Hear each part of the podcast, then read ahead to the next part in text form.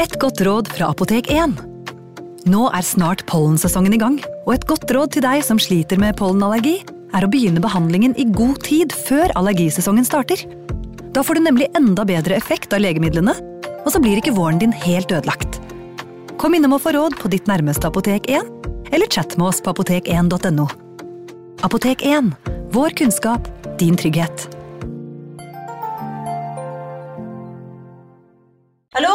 Jeg kommer fra Oslo politikammer.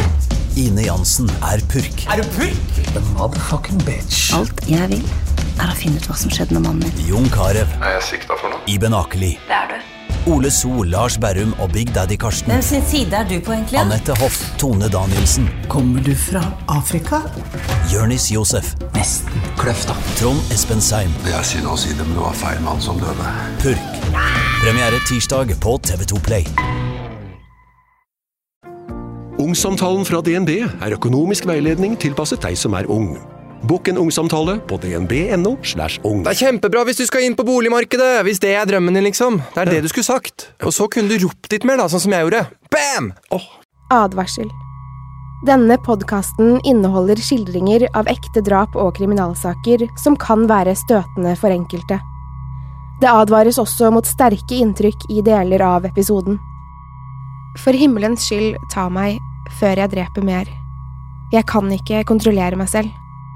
Drapssakene jeg skal fortelle om i dag, har vært oppe til diskusjon mange ganger. Både mordene i seg selv, men også selve hovedpersonen i sakene, altså morderen.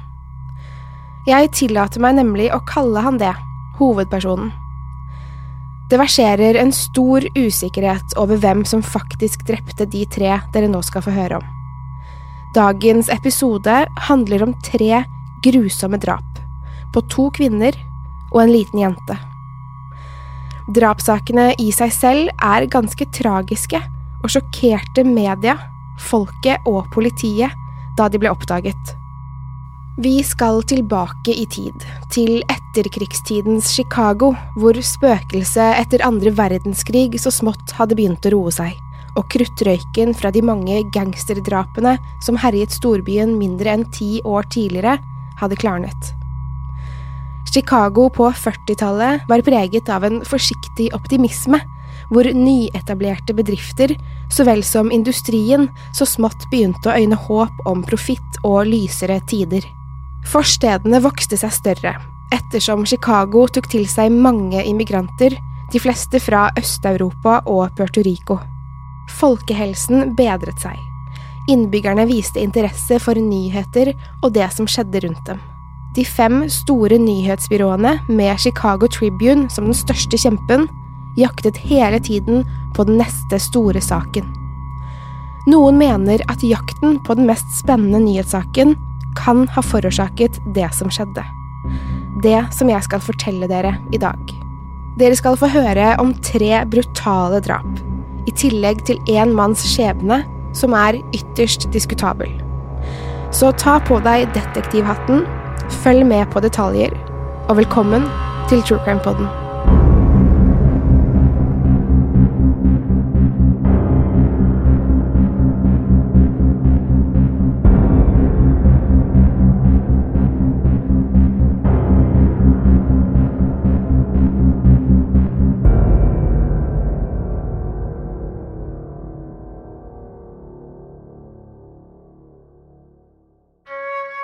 Det er den 5. juni 1945. 43 år gamle Josephine Ross blir funnet i sin egen leilighet i Chicago. Det er datteren hennes som oppdager moren der hun ligger oppstilt i sengen. Hun er drept, knivstukket gjentatte ganger og med sin egen kjole surret rundt hodet.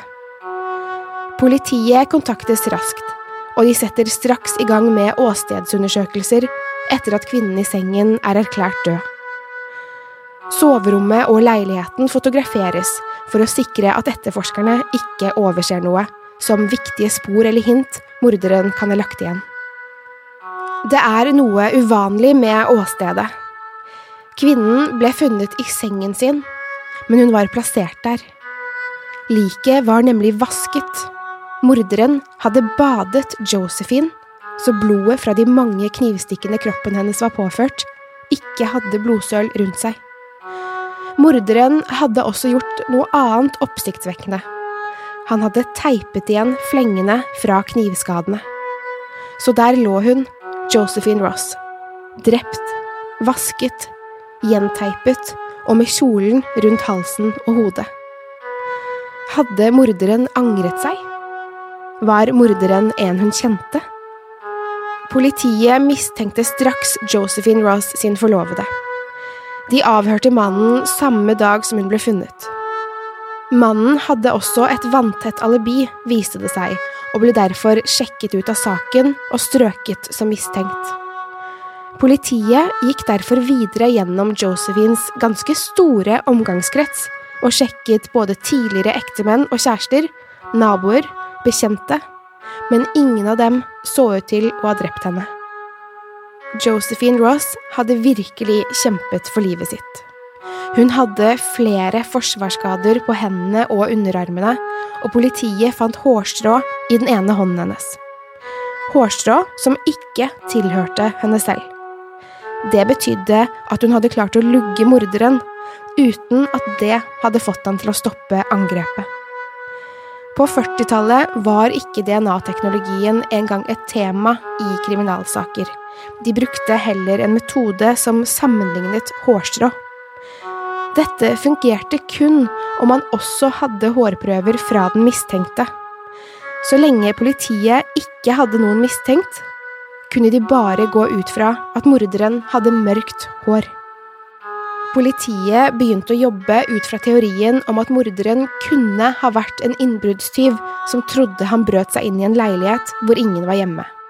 De trodde han kunne ha blitt overrasket av Josephine og drept henne i affekt.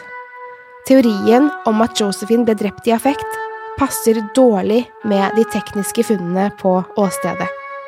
Ingen med dårlig tid gjør seg flid med å vaske offeret, tørke henne og så teipe igjen knivsårene. Det vitner mer om en selvsikker morder som tok seg tid på åstedet, som var der med den døde kroppen og kanskje nøt det han holdt på med. Og hvorfor skulle politiet tro at det var en innbruddstyv som ble overrasket av Josephine Ross? Det var blitt rotet i skuffer og skap, men ingenting var stjålet fra Josephines leilighet så motivet må ha vært selve drapet, og det er ikke sikkert at drapet var hans første. Naboene til Josephine Ross var redde for at morderen skulle slå til igjen. Avisene skrev mange artikler om hva folk kunne gjøre for å beskytte seg mot innbrudd og mordere, sikkert for å skape ro blant innbyggerne, men effekten ble totalt motsatt. De som bodde nærmest Josephine, sluttet å åpne dørene og vinduene sine, selv om det var sommer. Politiet forsøkte seg på rundspørringer i leilighetskomplekset der Josephine bodde, og av de som åpnet, mente flere de hadde sett en mann med mørk hud løpe raskt fra bygningen. Stor innsats ble gjort for å finne denne mannen, uten hell. Månedene gikk. Politiet avhørte mistenkte og tok imot tips, mens Josephine Ross sin familie og venner så smått begynte å venne seg til et liv uten henne. Datteren tok tapet av moren svært tungt, og ringte eller skrev brev til politibetjentene hver dag for at de ikke skulle glemme moren hennes. Chicago-politiet jobbet iherdig med å løse mordmysteriet, men ettersom månedene gikk og høsten kom, minket både tips og interesse fra allmennheten. Helt til desember 1945. Seks måneder etter drapet på Josephine. Alt hadde vært som vanlig denne formiddagen da en vaskedame gikk gjennom en av gangene i leilighetskomplekset hun jobbet i. Det var da hun hørte det. Musikk. Som om noen spilte radioen altfor høyt. Hun undret seg først over hvorfor de spilte så høy musikk på den tiden av døgnet, og deretter lurte hun på hvor musikken kom fra, fortalte hun politiet litt senere. Kvinnen så med ett en halvåpen dør og tenkte at musikken måtte komme fra den leiligheten. Hun skrek høyt da hun så det. Det var ingen bevegelse i leiligheten, men et grusomt syn som skulle hjemsøke henne for alltid. Kvinnen som bodde i leiligheten, lå på ryggen med en kniv stikkende ut av halsen, og det var store mengder blod overalt. Leiligheten var rotete, som om morderen hadde lett etter noe. Skuffer og skap var åpne. Den forskrekkede vaskedamen ringte politiet med en gang hun så liket. Politiet kom til Frances Brown sin leilighet den 10. desember 1945, bare et halvår etter drapet på Josephine Ross. Også denne gangen kunne det se ut som om morderen hadde brutt seg inn i leiligheten. Inne i stuen og soverommet var det som nevnt rotete, og skuffer og skap sto åpne. Men ingenting var stjålet, akkurat som hos Josephine Ross. Frances, en 33 år gammel kvinne, var skutt i hodet, i tillegg knivstukket. Og sårene fra knivstikkene, de var teipet igjen. Akkurat som på Josephine Ross. Politiet var helt sikre på at det var samme morder. Det var likevel noe annerledes med dette åstedet. Ja, Frances Brown var skutt. Det var ikke Josephine, men på veggen, rett over liket, var en beskjed til politiet, skrevet i rød leppestift. For heaven's sake, catch me, before I kill more. I cannot control myself. For himmelens skyld, fang meg før jeg dreper flere. Jeg kan ikke kontrollere meg. Ut fra meldingen på veggen virket det som om personen hadde drept før. Var det han som drepte Josephine? Var det flere ofre? Og ville han drepe igjen? Morderens desperasjon var tydelig. Han ønsket å bli stoppet, så ingen flere måtte dø.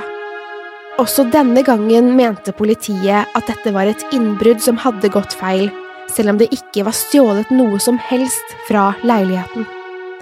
De tenkte riktignok at det var samme morder som den som drepte Josephine Brown, og fortalte i intervjuer og kommentarer til avisene at en desperado gikk løs. Akkurat det skapte overskrifter. Rett før jul, og en morder var løs. Politiet følte seg presset til å løse sakene, og det fort. De hadde ikke mye å gå på, etterforskerne men de fotograferte åstedet slik som forrige gang. De tok også bilder av skriften på veggen. Det ble funnet et blodig fingeravtrykk på dørhåndtaket til utgangsdøren, og politiet sikret avtrykket. De gikk også denne gangen på rundspørring hos naboene, og selv om mange var redde, mente noen at de hadde sett en person som fortet seg ut fra heisen samme dag som Frances hadde blitt drept. De kunne beskrive en lav, slank person med feminine bevegelser i mørke klær. Personen hadde sett nervøs ut, løpt ut fra heisen, gjennom hallen og ut på fortauet, hvor personen hadde snublet og deretter løpt videre. En annen nabo mente å ha hørt skudd rundt klokken fire om morgenen, og det kunne stemme med tidspunktet politiet trodde Frances døde på. Den spede skikkelsen flere fortalte om, som løp fra heisen i oppgangen, kombinert med den røde leppestiften på veggen, fikk politietterforskerne til å tro at de muligens jaktet en kvinnelig morder. Politimesteren fortalte dette på en pressekonferanse og ba samtidig om tips fra allmennheten. Ingen tips kom inn om den morderiske kvinnen. Avisene fortsetter å skrive om mordet på Frances Brown gjennom hele julen, og linker det sammen med mordet på Josephine Ross. Folk snakker om drapene på butikken, hos frisøren, i teatret og rundt middagsbordene. Innbyggerne i Chicago får ikke nok av saken, og avisene antyder at politiet ikke gjør nok for å fange den blodtørstige morderen. De kjenner presset fra folket og avhører menn og kvinner de tror kan vite noe om drapene.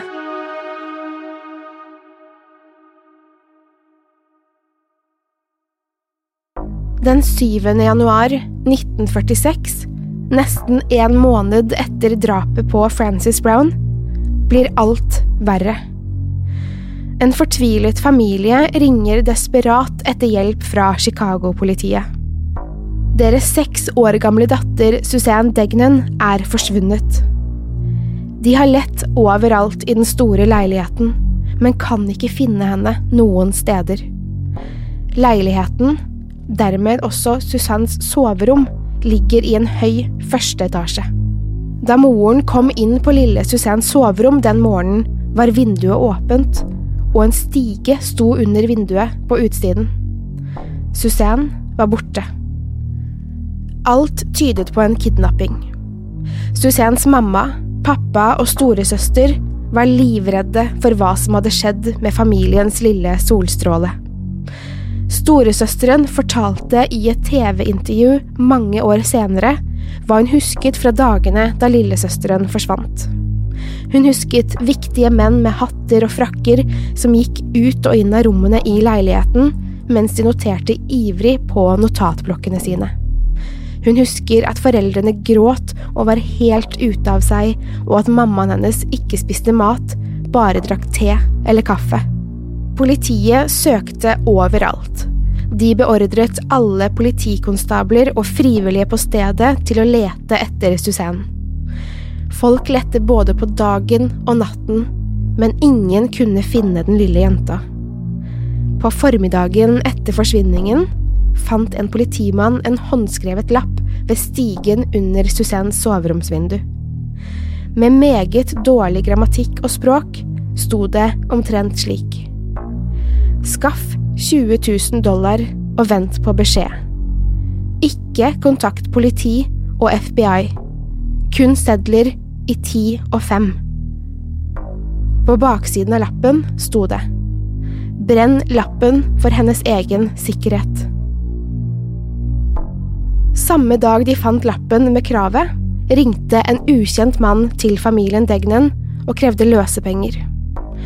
Mannen virket forstyrret.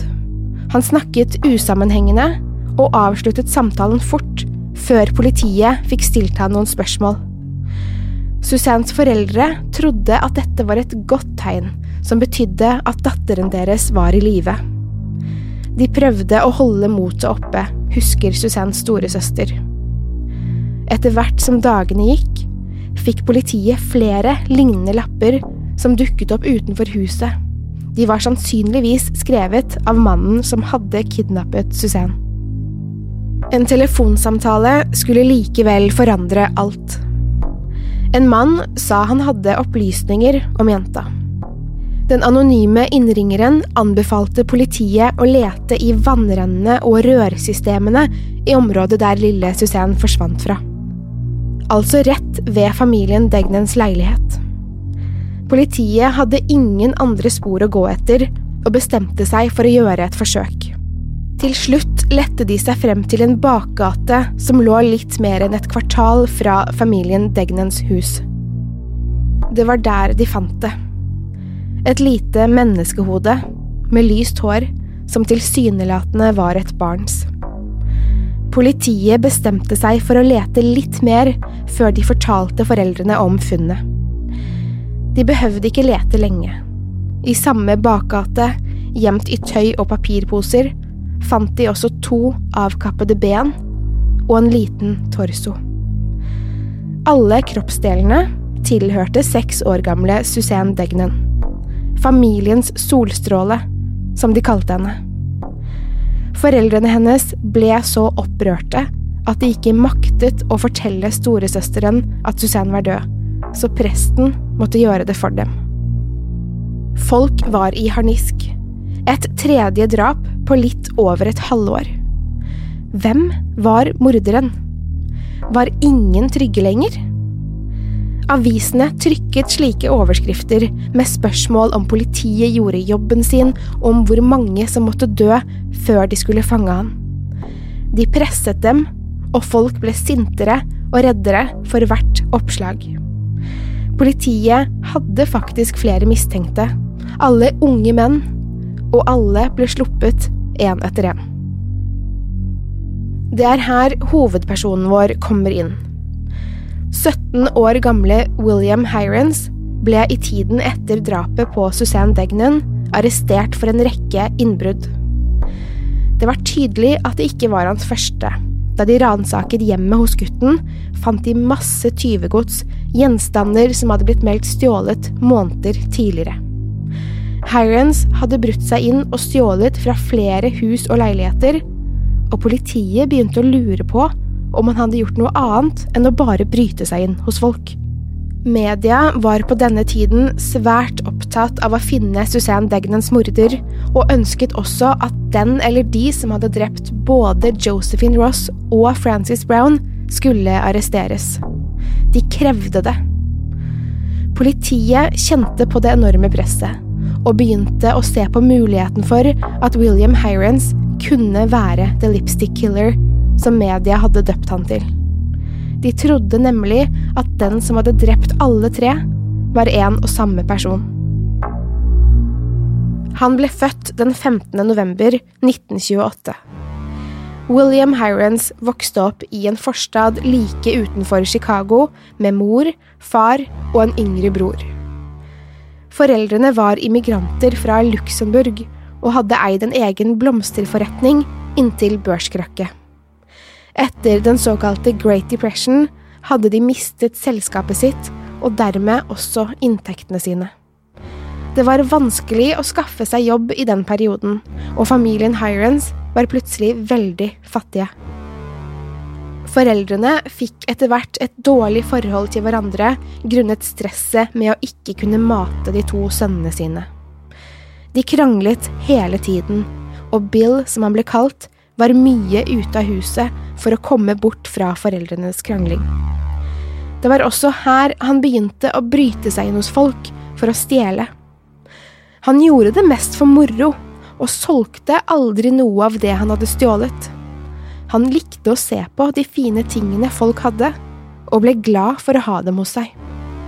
Bill Hirons ble arrestert flere ganger for tyveri, og én gang for å ha hatt en pistol på seg da han var bare 13 år.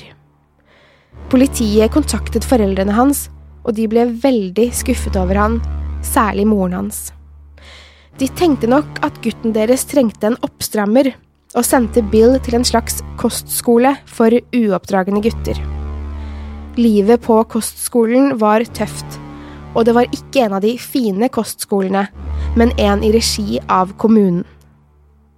De fikk lite mat, dårlige senger og generelt lite skolegang. Bill husker han sloss mye, mest for å beholde skoene og maten han så sårt trengte. Bill gikk på skolen noen år, og bestemte seg for å studere på college da det viste seg at han var skoleflink bare han fulgte med i timene. Bill elsket også å lese, og skrev små dikt han ikke turte å vise til noen. Bill begynte på college rett før drapene i Chicago startet. Jeg er ganske sikker på at du også tenker at modus operandi i disse drapene ikke henger helt sammen. De er ikke like, alle tre. Mordene på Josephine Ross og Frances Brown var relativt like. Kniv var brukt til å skade begge kvinnene, mens Frances i tillegg til knivstikkene var skutt i hodet. Begge kvinnenes stikksår var teipet igjen, og Josephine var vasket etter at døden inntraff. Det er mye som tyder på at de to har samme morder, The Lipstick Killer. Men hva med mordet på lille Suzanne? Viktimologien er totalt endret, fra voksen kvinne til et lite barn, og måten hun ble drept på, er helt ulik The Lipstick Killer sin. Hun ble kidnappet fra sin egen seng, drept, partert og kastet på gaten som søppel.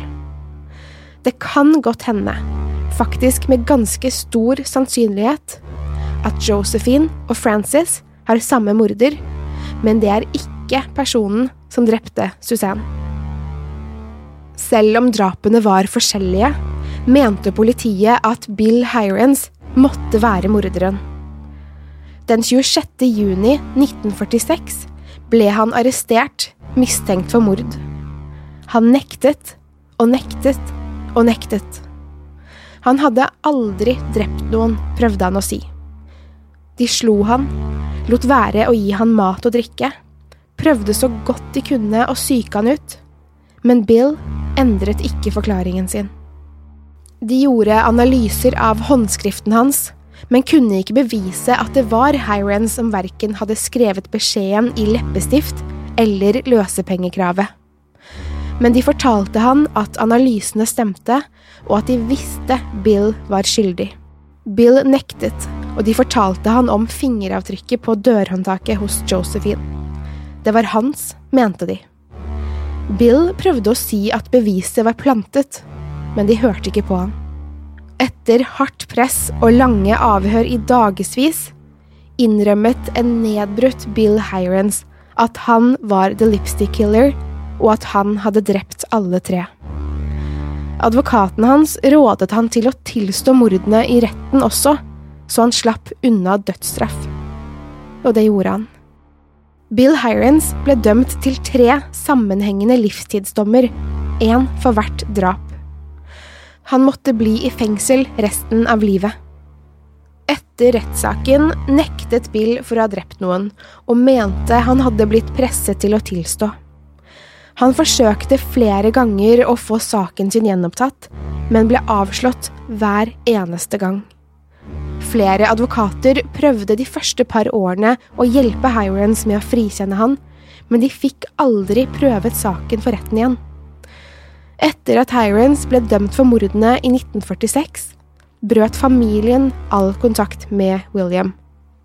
Foreldrene og broren ville aldri se han mer. De byttet til og med etternavn til Hill istedenfor Hirons. Hirons hadde ingen familie lenger. Han var helt alene i fengsel, en livredd tenåring. Han begynte å innse at han aldri kom til å slippe ut fra fengsel om han ikke gjorde noe med det selv. Derfor begynte Bill å studere, og var den første innsatte i USA som tok eksamen etter fire års college-studier i fengsel. Han oppnådde en bachelorgrad, men det hjalp han ikke i kampen for frihet og renvaskelse. Bill hjalp andre innsatte med å få sine saker prøvd for retten, og ble sett på som et orakel i fengselet. Han oppførte seg pent, kom aldri i bråk og var godt likt av fengselsvaktene.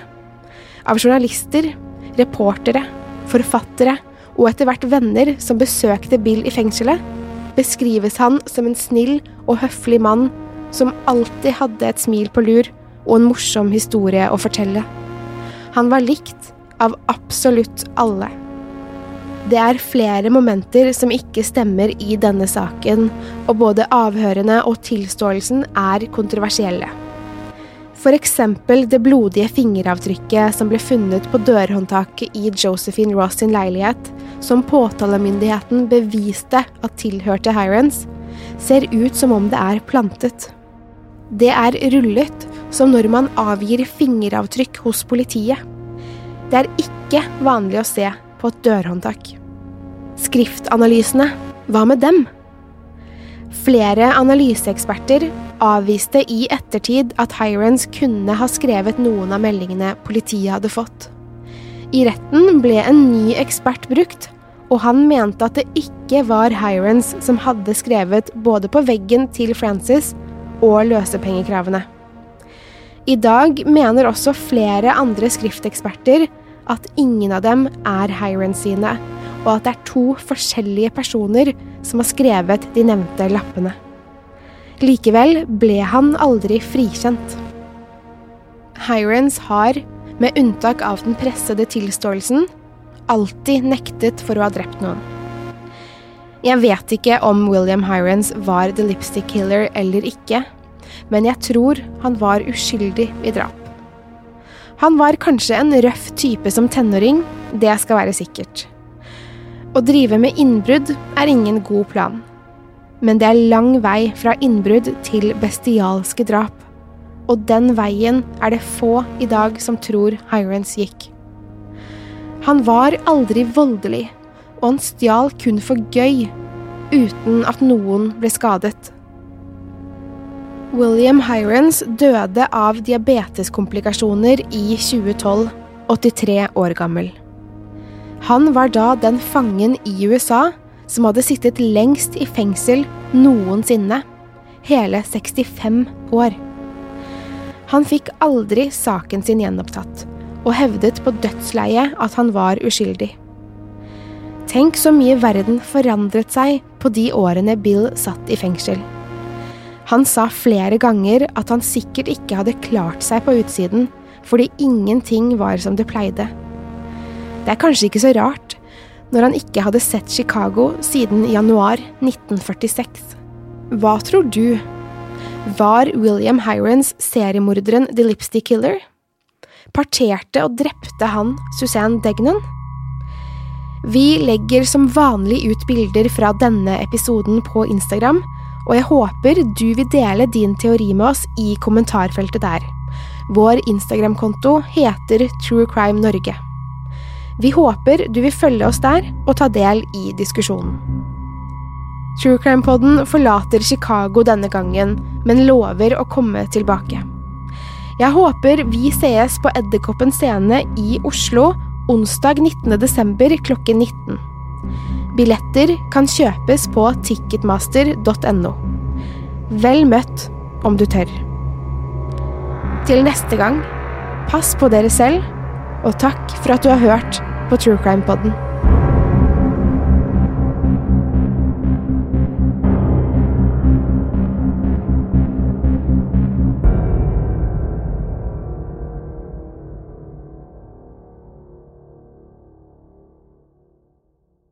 Har du et enkeltpersonforetak eller en liten bedrift?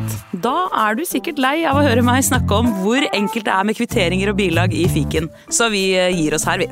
Fordi vi liker enkelt. Fiken superenkelt regnskap. Hei! Takk for at du lytter til True Crime Podden. Skulle du ønske at du kunne høre en ny episode av denne podkasten hver eneste uke? Vel, da er det bare å laste ned podkastappen Untold med en gang. I tillegg til ukentlige episoder av podkaster som Skrekkpodden, Synderne og Henrettelsespodden, får du masse annet reklamefritt og eksklusivt innhold. Last ned Untold i AppStore eller Google Play, og start din 30 dagers prøveperiode i dag.